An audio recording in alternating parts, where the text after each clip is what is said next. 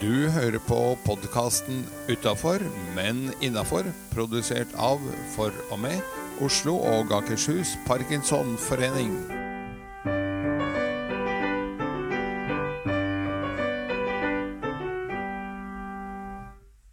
Hei, du hører nå på podkasten 'Utafor, men innafor'. Ved min side har jeg Edgar, Og jeg heter Seri Lind. Du, Edgar. Hvordan har du det? du, akkurat nå om dagen syns jeg at jeg har det veldig bra. Vi har jo snakket mye om eh, det med at det er ikke hvordan du har det, det er hvordan du tar det. Eh, Men nå syns jeg faktisk at jeg har det veldig bra også. Eh, Det var et lyspunkt for et par måneder siden, så fikk vi et nytt barnebarn. Det sier jo litt om hvor gammel jeg er. Men da kom eh, lille Harriet inn i vår verden, så nå har vi to barnebarn å glede oss over. Og ha det moro sammen med. Det er eh, søsteren hennes på tre og et halvt år som er blitt en ganske bestemt frøken. Eh, og så er det lille Harriet som inntil videre ikke, ikke syns eller mener så veldig mye. Og så er jo våren kommet. Shorts-sesongen er i gang. Så det er mye å glede seg over. Hva med deg? Du, jeg tenker jo det du sier. For én ting er jo å observere barnebarnene, men en annen ting er jo å ta det inn og oppriktig liksom være takknemlige. For når vi er takknemlige og prøver å se på ting vi har rett rundt oss, og være takknemlige for eh, å si til oss sjøl det er jeg takknemlig for, så er det jo faktisk sånn at vi utsonderer eh, noe som gjør at mennesker liker oss bedre. Og det er jo kjempeviktig. Det er viktig. Ja, Så vet du hva jeg har gått rundt og vært takknemlig for denne uken? Ja, det var det jeg lurte litt på, da. At jeg har ganske fine legger. Sånn, Hva? ja. Sånn som du sa, shortsesongen er i gang. Og jeg har så lett for å bodyshame, som det heter, meg sjøl. Et eh, frekt ord for eh, at en er selvkritisk til egen kropp. Så jeg bestemt meg for at nå skal jeg prøve å finne fram ting jeg faktisk er takknemlig for på egen kropp, og har flytta fokuset til det, og vekk fra det jeg er mindre takknemlig for. Så jeg har funnet ut at leggene mine, de er tipp topp tommel opp. Ja, Det var jo utrolig innspill. Men det handler jo ikke om at det, å være takknemlig skal gå på ytre ting. Det er sånn som du sier, det kan gå på det du har rundt deg i familien. Det kan gå på Jeg har vært takknemlig for hagen min. Ikke bare ta den som en selvfølge. Så det kan være ut... Nei, det er jo noe med at eh, jeg, er jo, har- er jo, altså, jeg har verdens fineste hage, mener jeg. Og da er jeg jo òg takknemlig for at jeg har vært så flink og stelt den så godt tidligere i våres. Og nå kan jeg gå rundt i hagen, og så nyter jeg at det er em, en egen følelse av å bare puste inn og puste ut. Eh, og se grønt og se ting som blomstrer. Eh, Det er noe egen tilfredsstillelse med det du har sådd sjøl, og se det blomstre. Og det å ikke bare gå forbi det som en selvfølge, men stoppe litt opp, tror jeg er kjempeviktig. Så det øver jeg på. Det er jo fabelaktig. Og så kan vi legge til én ting til, og det er at eh, det skjer mye rundt eh, Parkinsonforeningen Oslo og Akershus nå. Vi får, eh, om ikke daglig, så i hvert fall ukentlige henvendelser fra ulike miljøer som vil samarbeide med oss. Som har forskjellige idretter som er eh, ifølge dem selv da, fine for parkinsonister i og med at man får beveget seg, får øvet koordinasjon, hurtighet, spenst, balanse osv. Så, videre. så det Jeg kan ikke si så mye nå, men eh, det skjer ting utover høsten.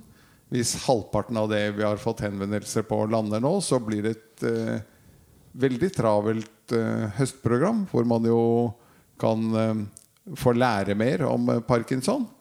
Og bygge nettverk med andre, både pasienter og ikke minst pårørende. Så det Det er jo et eh, tema vi har vært innom et par ganger. Eh, blant annet tidligere styreleder i Parkinson Oslo og Akershus, Tor Halvorsen, som har nevnt flere ganger at eh, mange spør ham hvordan han har det. Men det er veldig få som spør kona hans hvordan hun har det. Så det skal vi eh, jobbe med å ha litt fokus på. At vi også tar godt vare på de pårørende i de forskjellige medlemsmøtene og aktivitetene vi har. Så da må de Hvor skal de finne denne informasjonen, Edgar? Den finner de fortløpende på parkinson.no. Og ikke minst så finner de den ved å lytte til vår ukentlige podkast utafor, men innafor. Hvor vi jo nå faktisk kan eh, gjenopplive det punktet som vi kaller kunngjøringer. Som i koronatiden har stått eh, tomt gjentatte uker.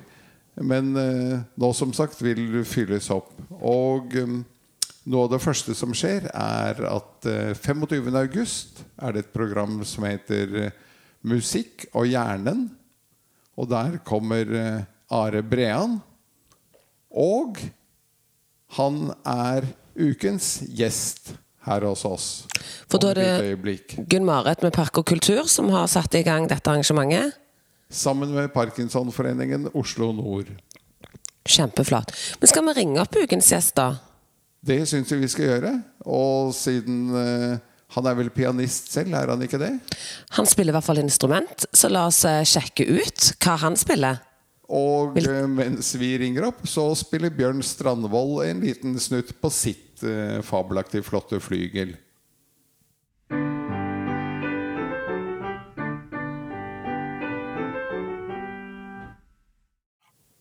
Da har vi fått kontakt med ukens gjest, Are Brean. Hei. Hei. Så hyggelig å få lov til å komme hit. Tusen takk. Takk samme. Takk det samme, ja, nemlig. Og du skal jo komme ikke bare hit, men hit-hit. For 25. august eh, er det jo et arrangement som heter Musikk og hjernen. Ja, nettopp. Og det er ser jeg frem til. Du skal snakke Kan ikke du si litt om bakgrunnen for at eh, du har skrevet en bok eh, med samme tittel? Ja, det er en bok som jeg har skrevet sammen med Geir Olve Skeie.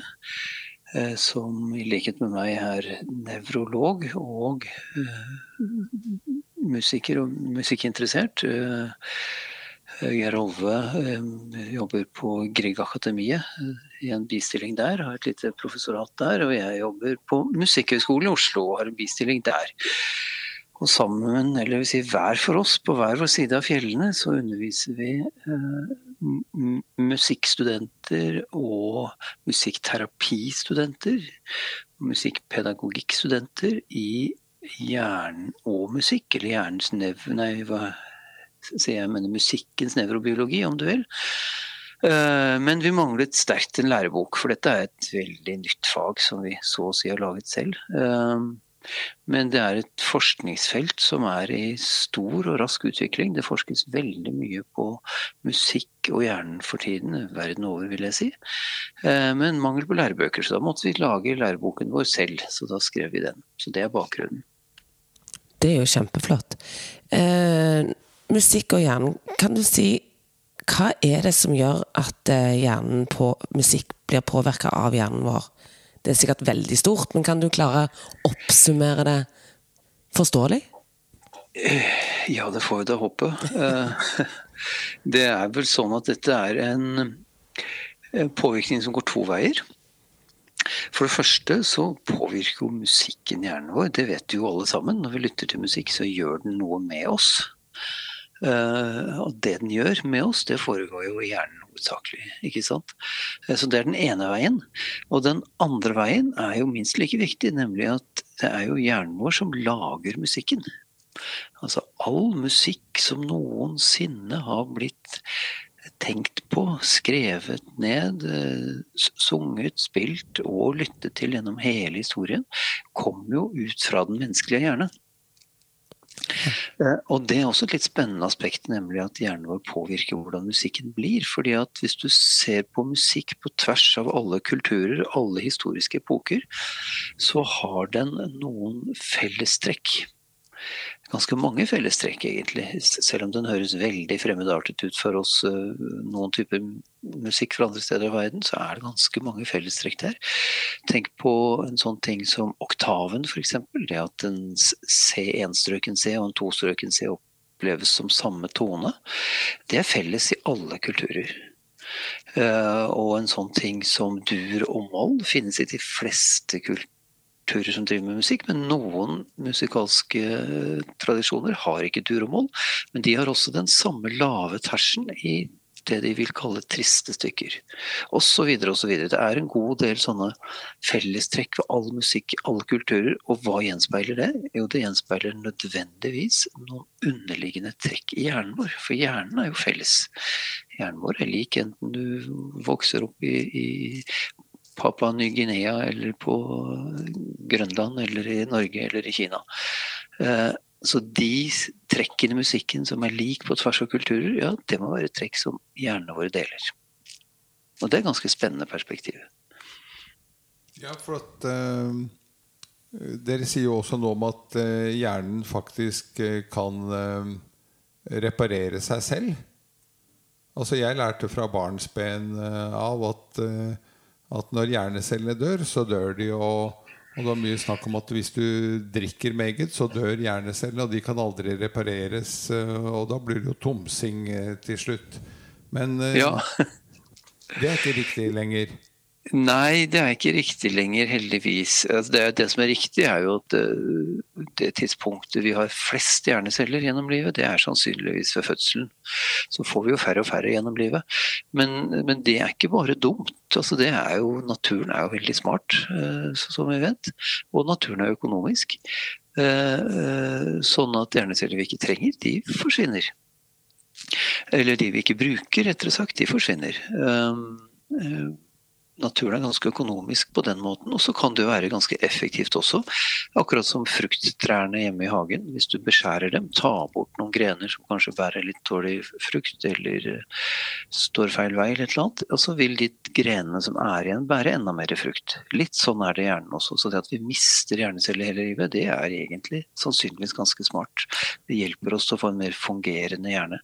Men så er det jo sånn da at vi vil jo ikke miste så altfor mange. Og det vi kan gjøre for å unngå det, det er å være nysgjerrige, vitebegjærlige mennesker som stadig lærer oss nye ting hele livet. Da sørger vi for å holde de komplekse nettverkene i hjernen i trim, og vi sørger for å ha en bedre fungerende hjerne i møte med sykdom f.eks. Dette er jo helt fantastisk. Hvor, um, hvor har vi broen over til eh, parkinson?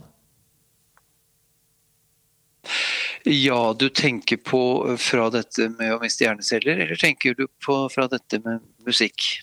Jeg tenkte på, på hele konseptet deres med musikk eh, og hjernen. Og det som de sier at jo, vi mister hjerneceller, vi ikke bruker dem, men vi eh, bygger opp eh, nye ved å lete etter ny viten. Eh.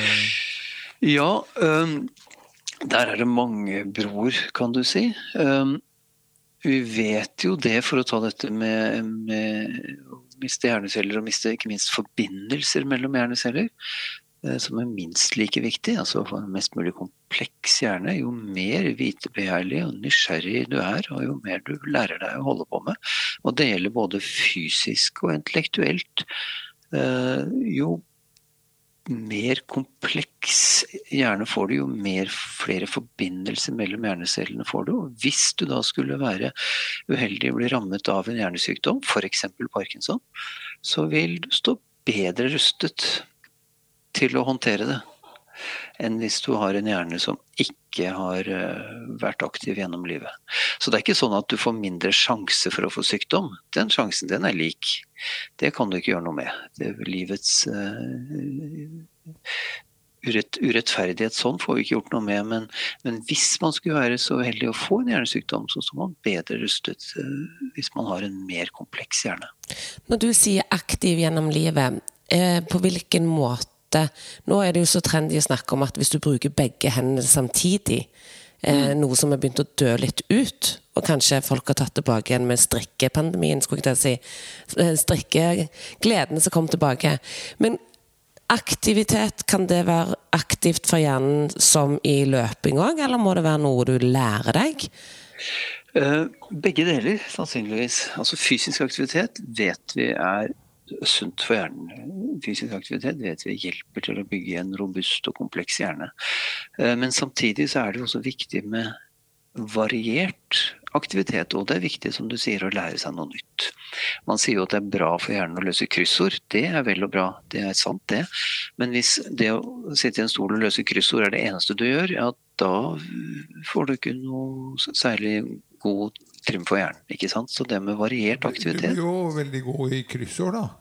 Det gjør det jo, men eh, spørs om det hjelper så mye i lengden.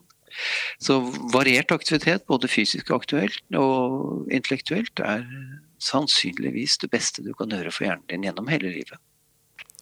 Vi har jo oppfordra eh, lytterne våre i en episode til å bytte om kniv og gaffel eller søppelbøttene for å ikke gå automatisk. Kan du si noe om det? Ja, det der er jo også fine ting. Altså, det kan være enkle ting. Det kan være noe så enkelt som å ja, noen øver seg på å gå baklengs opp trappen. Det har jeg aldri prøvd, syns jeg høres fryktelig vanskelig ut. Ja. Men så må man være forsiktig så man ikke faller, dessuten. Eh, Men det kan være noe så enkelt som å ta en annen vei hjem fra butikken, f.eks. Enn den du pleier å gå. Det eh, høres jo veldig banalt ut, men bare sånne enkle variasjoner som utsetter eh, hjernen og nervesystemet ditt for nye inntrykk. Man må gjøre nye vurderinger og beregninger og hele tiden eh, utfordre hjernen sin med sånne enkle variasjoner i hverdagen, er sannsynligvis både viktig og veldig sunt. Men nå Så det skal behøver ikke være verre enn det. Kjempebra. Det skal jeg faktisk eh, prøve meg på. Men Og så er det, bare for å si det også, så er det, apropos butikken, det er jo mange, særlig i eldre år, eh, dessverre, som blir mer og mer glad i bilen. Og hvis man bor i sånn noenlunde nærhet av en butikk, så kan man kjøpe seg en handletrille, og så kan man rusle til butikken. Det tar kanskje ti minutter, eller kanskje til og med en halvtime. Men eh, det vil både kroppen og hjernen din takke deg for i eldre år. Det er helt sikkert. Men eh, Fysisk aktiv. der kom jeg på et stikkord inn mot eh, det vi har touchet på noen ganger. Jeg leste for noen år siden at Drillo, tidligere fotballtreneren, vet du Ja. Han absolutt hater musikk, så når han er på biltur med kona, så har de annenhver time. I hennes time så står radioen på i bilen med sang og musikk. Og i hans time så er det helt, helt stille. Hva tenker du om det? Det var jo en artig variant. Eh, nei, altså det er klart det finnes mennesker som hater musikk. Det, det må de jo få lov til, for all del.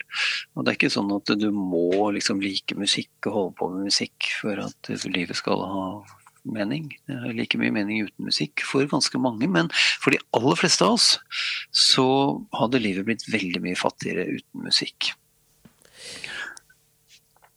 jeg tenker Når eh, foredraget musikk eh, er det sånn For det som jeg leste litt om, det er nevroplastisk Jeg klarer nesten ikke å uttale det engang. Nevroplastisitet, som da betyr Ja. at hjernen kan fornye seg. Hva er det musikk gjør? Hva er det som er med musikk? Jo, øh, det ordet du sa, nevroplastisitet, det er jo helt sentralt for å forstå hvordan hjernen vår øh, opererer, fungerer og utvikler seg gjennom livet. Fordi alt vi lærer, alt vi erfarer, alt vi gjør, legger seg ned som fysisk endring i hjernen. Ved at man får nye forbindelser mellom hjerneceller, med at man får kanskje sterkere og raskere forbindelser et sted, og svakere og langsommere et annet sted osv. Disse endringene skjer uopphørlig, og de skjer absolutt hele livet og hver eneste dag. Så du har aldri nøyaktig den samme hjernen når du legger deg om kvelden som når du sto opp samme morgen. Eh, Det er dette vi kaller læring eller erfaring, om du vil. Og jo mer vi på en måte erfarer jo, og lærer, jo mer endring utsettes hjernen for og blir mer kompleks. Og så vet vi det at noen aktiviteter gir mer hjerneendring enn andre. Og den aktiviteten vi vet om hvor det har vært målt mest hjerneendring hos mennesker, det er musikk. Det er å holde på med musikk. Både å spille musikk selv og lytte til musikk eh, betyr sannsynligvis veldig mye for denne nevroplastisiteten som er så livsviktig i, i hjernen vår. Um, uh, og det har å gjøre med mange ting. Én ting er f.eks. at musikk aktiverer emosjonene våre, følelsene våre. Og ting som, øh, ting som aktiverer følelsene våre, ja, de fører til mer hjerneendring. Det er fordi det er overlevelsesmessig viktig. Så Derfor så vet man at musikere f.eks.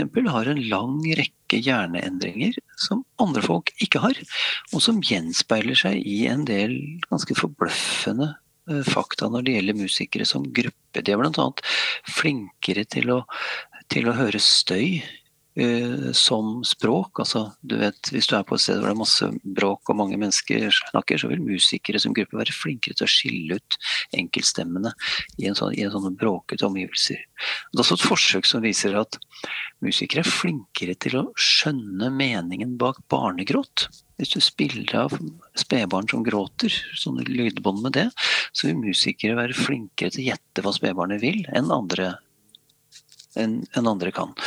Uh, og en lang rekke sånne ting som musikere er flinke til, fordi at musikken endrer hjernen deres. Det kan vi faktisk også måle med sånn funksjonelle MR-bilder av hjernen. Og, og, med andre typer MR også, så ser vi forandringer i musikerhjernen. Og musikere er også som gruppe sannsynligvis mindre utsatt for å få demens enn en andre mennesker er.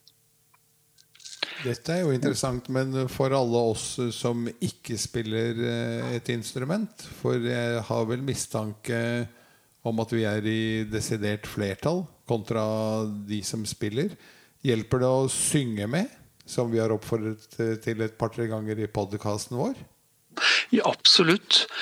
Det er studier som viser at uh, sang, det å synge, er en veldig god ting også. Nettopp også sannsynligvis fordi det aktiviserer følelsene våre når vi holder på med, og det, fordi det er nå kommer et veldig vanskelig ord, det er sensorimotorisk komplekst. Altså Det involverer både sansene våre, vi må lytte lytte, lytte oss inn i musikken. Og da involverer musklene våre. Vi må aktivere masse muskler for å synge. Denne kompleksiteten, det vet vi at det øker nevroplastisiteten i hjernen. Og folk som synger i kor, f.eks. Det er det målt at de veldig raskt, i løpet av sekunder når de begynner å synge, så koordinerer de ikke bare pusten, men også pulsen sin, hjerterytmen sin, gjennom sangen. Så Det er som om koret begynner å opptre som en stor organisme når de synger sammen. Så det der å være sammen i fellesskap og utøve musikk, enten man spiller instrument eller bare synger, um, tror vi nå, det er studier som tyder på også, er veldig sunn ting for hjernen vår. Og bare lytte, da. Hvordan er det? Ja, det er gjort mindre studier på, eller færre studier på altså hjerneendringer hos folk som lytter mye til musikk. Så, så det vet vi ikke så veldig mye om, om, om hjernen deres er spesielt annerledes. Eh, men, men, det vi vet, er jo at veldig mange mennesker bruker musikk til å ta seg opp, til å ta seg ned, til å gjøre seg klar for det ene eller det andre. Eh, til å støtte seg i sorg og fortvilelse og til å, å glede seg over i gleden osv. osv. Altså musikken hjelper oss og støtter oss eh, som en god venn som alltid er der, hvis man vet å bruke den. Det var en veldig fin måte å si det på, eller se det på. Det, det vil jeg si. Vi nærmer oss uh, slutten. De som uh, vil uh, høre mer, om musikk og hjernen er altså hjertelig velkommen i Oslo den 25. august på kvelden. Det er vel klokken 18 vi har satt som startpunkt. Eh, hvor du skal få eh, holdt på å si breie deg enda mer, Are, og fortelle enda mer. Og også ta og svare på flere spørsmål fra publikum. Så det ser vi frem til. Men et siste spørsmål. Eh, vi pleier å ha med ukens gjest, er hvem vil du helst stå fast i heisen med? Oi! Ja, det var et vanskelig spørsmål. Det er, rett, vi har tjurlånt, det er litt morsomt. Vi har lånt det fra Dagsavisen, som har en sånn fast spalte på side to hver dag, hvor de intervjuer en eller annen som er i vinden, sånn eller slik. Og ja, etter at vi tjuvlånte spørsmålet deres, så har de faktisk eh, ikke hatt det med som fast Eh, kost lenger hver dag. Så det er snart Dagsavisen som tjuvlåner fra oss. Men vi lar det i hvert fall være. Hvem vil du helst stå fast i heisen med? Oi, det er mange. Det må være en veldig stor heis. Uh, for det er mange jeg kunne tenke meg å stå i heisen med. Ja, ikke sant? Nei, vet du hva. Det er uh, nok veldig mange mennesker jeg kunne tenke meg å bli bedre kjent med i en sånn heis, hvis jeg først hadde sjansen. Um, det er både noen jeg kunne tenke meg å stå i heisen sammen med, fordi jeg syns de er fantastisk fascinerende, spennende, kunnskapsrike, kloke, reflekterte mennesker. Og kanskje også det motsatte. Folk jeg ikke skjønner meg på. Uh, som også kunne vært interessant. Kanskje vi kunne lære noe av hverandre og bli litt utfordret også. Uh, men uh, hvis jeg må velge én, tja Nei, vet du hva, jeg vet ikke. Du får lov å velge flere hvis du har et eksempel på de kloke du skulle lære noe av, og så et eksempel på de du aldeles ikke skjønner noe av. Ja, ja, ja.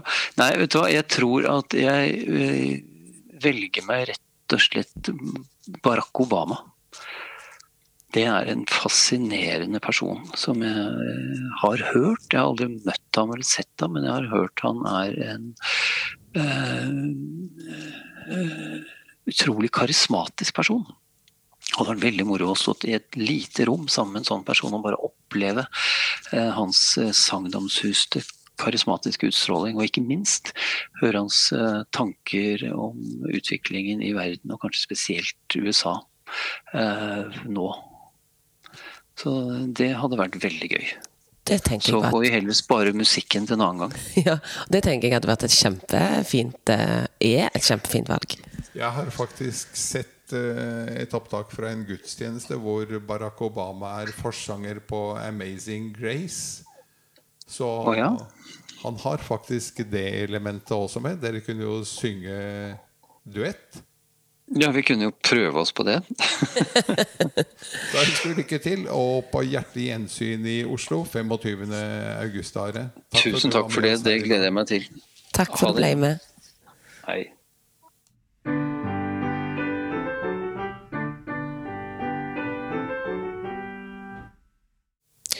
Da er vi kommet til spalten eh, Fleip eller fakta, eller quiz.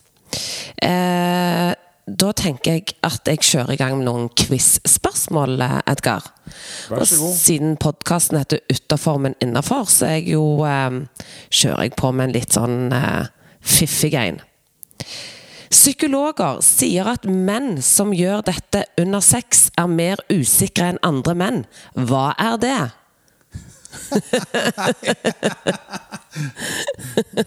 Hvis det er psykologer som uttaler seg om andre er det kvinnelige eller mannlige psykologer som uttaler seg om hva menn gjør under sex? Ja, de gjør noe under sexakten. Men Er det kvinnelige psykologer som sier det, eller mannlige psykologer? Nei, det, det Så inngående går ikke denne quizen.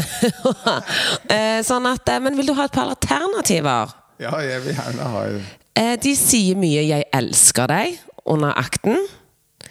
De en, eller de er helt tause. Eller de har på seg sokker. Alle dager. Vi tar den siste med Hvis dette skal være tegn på folk som er usikre, så tar vi den siste. De har, de har med seg sokker. Det er helt korrekt! Bra jobba! Nå kommer det ikke fram eh, hvorfor, men hvis det, noen lyttere har lyst til å finne ut det, så enten google det eller skriv inn til oss eh, hva er det som gjør at eh, menn er mer usikre når de har på seg sokker under akten. Og det kan faktisk være at eh, du har noe å si om dette som gjør at du blir ukens gjest i podkasten vår. Så bare meld inn. Ok, da tar vi neste. Hvor må de hjemløse være etter klokken 22 ifølge russisk lovgivning? De hjemløse kan jo ikke være hjemme, for de har ikke noe hjem. Men jeg går ut fra at det allikevel er at de skal være innendørs et eller annet sted. Det er jo litt selvmotsigende, som sagt, men ja, jeg går for innendørs. Du kunne rett og slett bare gått for hjemme? For det er helt korrekt. Du får for innendørs. Men det er jo det komiske De skal være hjemme. De skal være hjemme etter klokken 22. Ja, det er jo godt jobbet. Veldig bra. Ok. Hvilket yrke har personer som er oftest for sent ute til legetime? Jeg skulle til å være litt stygg her og si håndverkere. For de får jo ofte kjeft fordi de er upålitelige. Men eh, Jeg er ikke helt med på den, for jeg har faktisk veldig god erfaring med håndverkere. Og så god erfaring at vi har vår egen huselektriker og husrørlegger og, og litt av hvert. Hvilket yrke de har, som ofte er for sene Det er legene selv som ofte er for sene til legetimen. Ja, nå syns jeg du var kjapp. Edgar. Godt resonnert. Du, det er helt korrekt. det slo meg plutselig at, eh, at eh, når du er for sent i legetime, da får du sånn straffegebyr og hva for noe for ikke å ha møtt. Mens legen som eh, drøyer og drøyer og haler ut, så du sitter på venteværelset og må ut og oppdatere parkering på bilen, hva? Han, hun er helt uberørt, ja. Da skal vi, Edgar, over til spalten uh, Ukens utfordring. Og hvem er det som gjør den for oss? Det er eh, Audun Mysja som gjør den for oss. Da har vi fått en hyggelig avtale med Audun Mysja om at vi plukker eh, et uh, lite kapittel fra boken hans 'Ungdomskilden'. Og det kapittelet heter 'Ti ting du bør gjøre hver dag livet ut'. Og så fordeler vi dem over ti uker med korte kommentarer fra Audun på hvert av tipsene. Og eh, det bør være lim nok til at du laster ned podkasten og hører hver uke når vi publiserer. Da har vi Mysja-tips nummer tre av ti. Stå på ett ben. Hva tenker du på da, Audun? Vi snakker jo til parkinsonister her som har nok problemer med balansen som det er, og som sliter med fall, og så skal vi stå på ett ben. Ja, det kan høres paradoksalt, men du har helt rett i det du sier.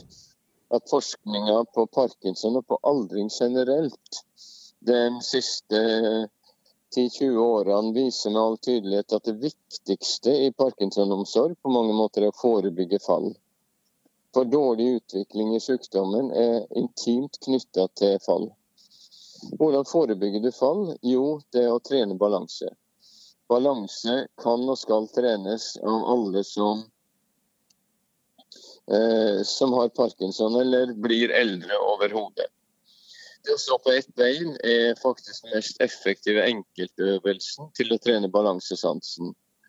Klart, alt du gjør for å bruke kroppen allsidig, alt du gjør for å utfordre begrensa bevegelighet med store bevegelser, mange har prøvd eh, qigong, fekting, boksing.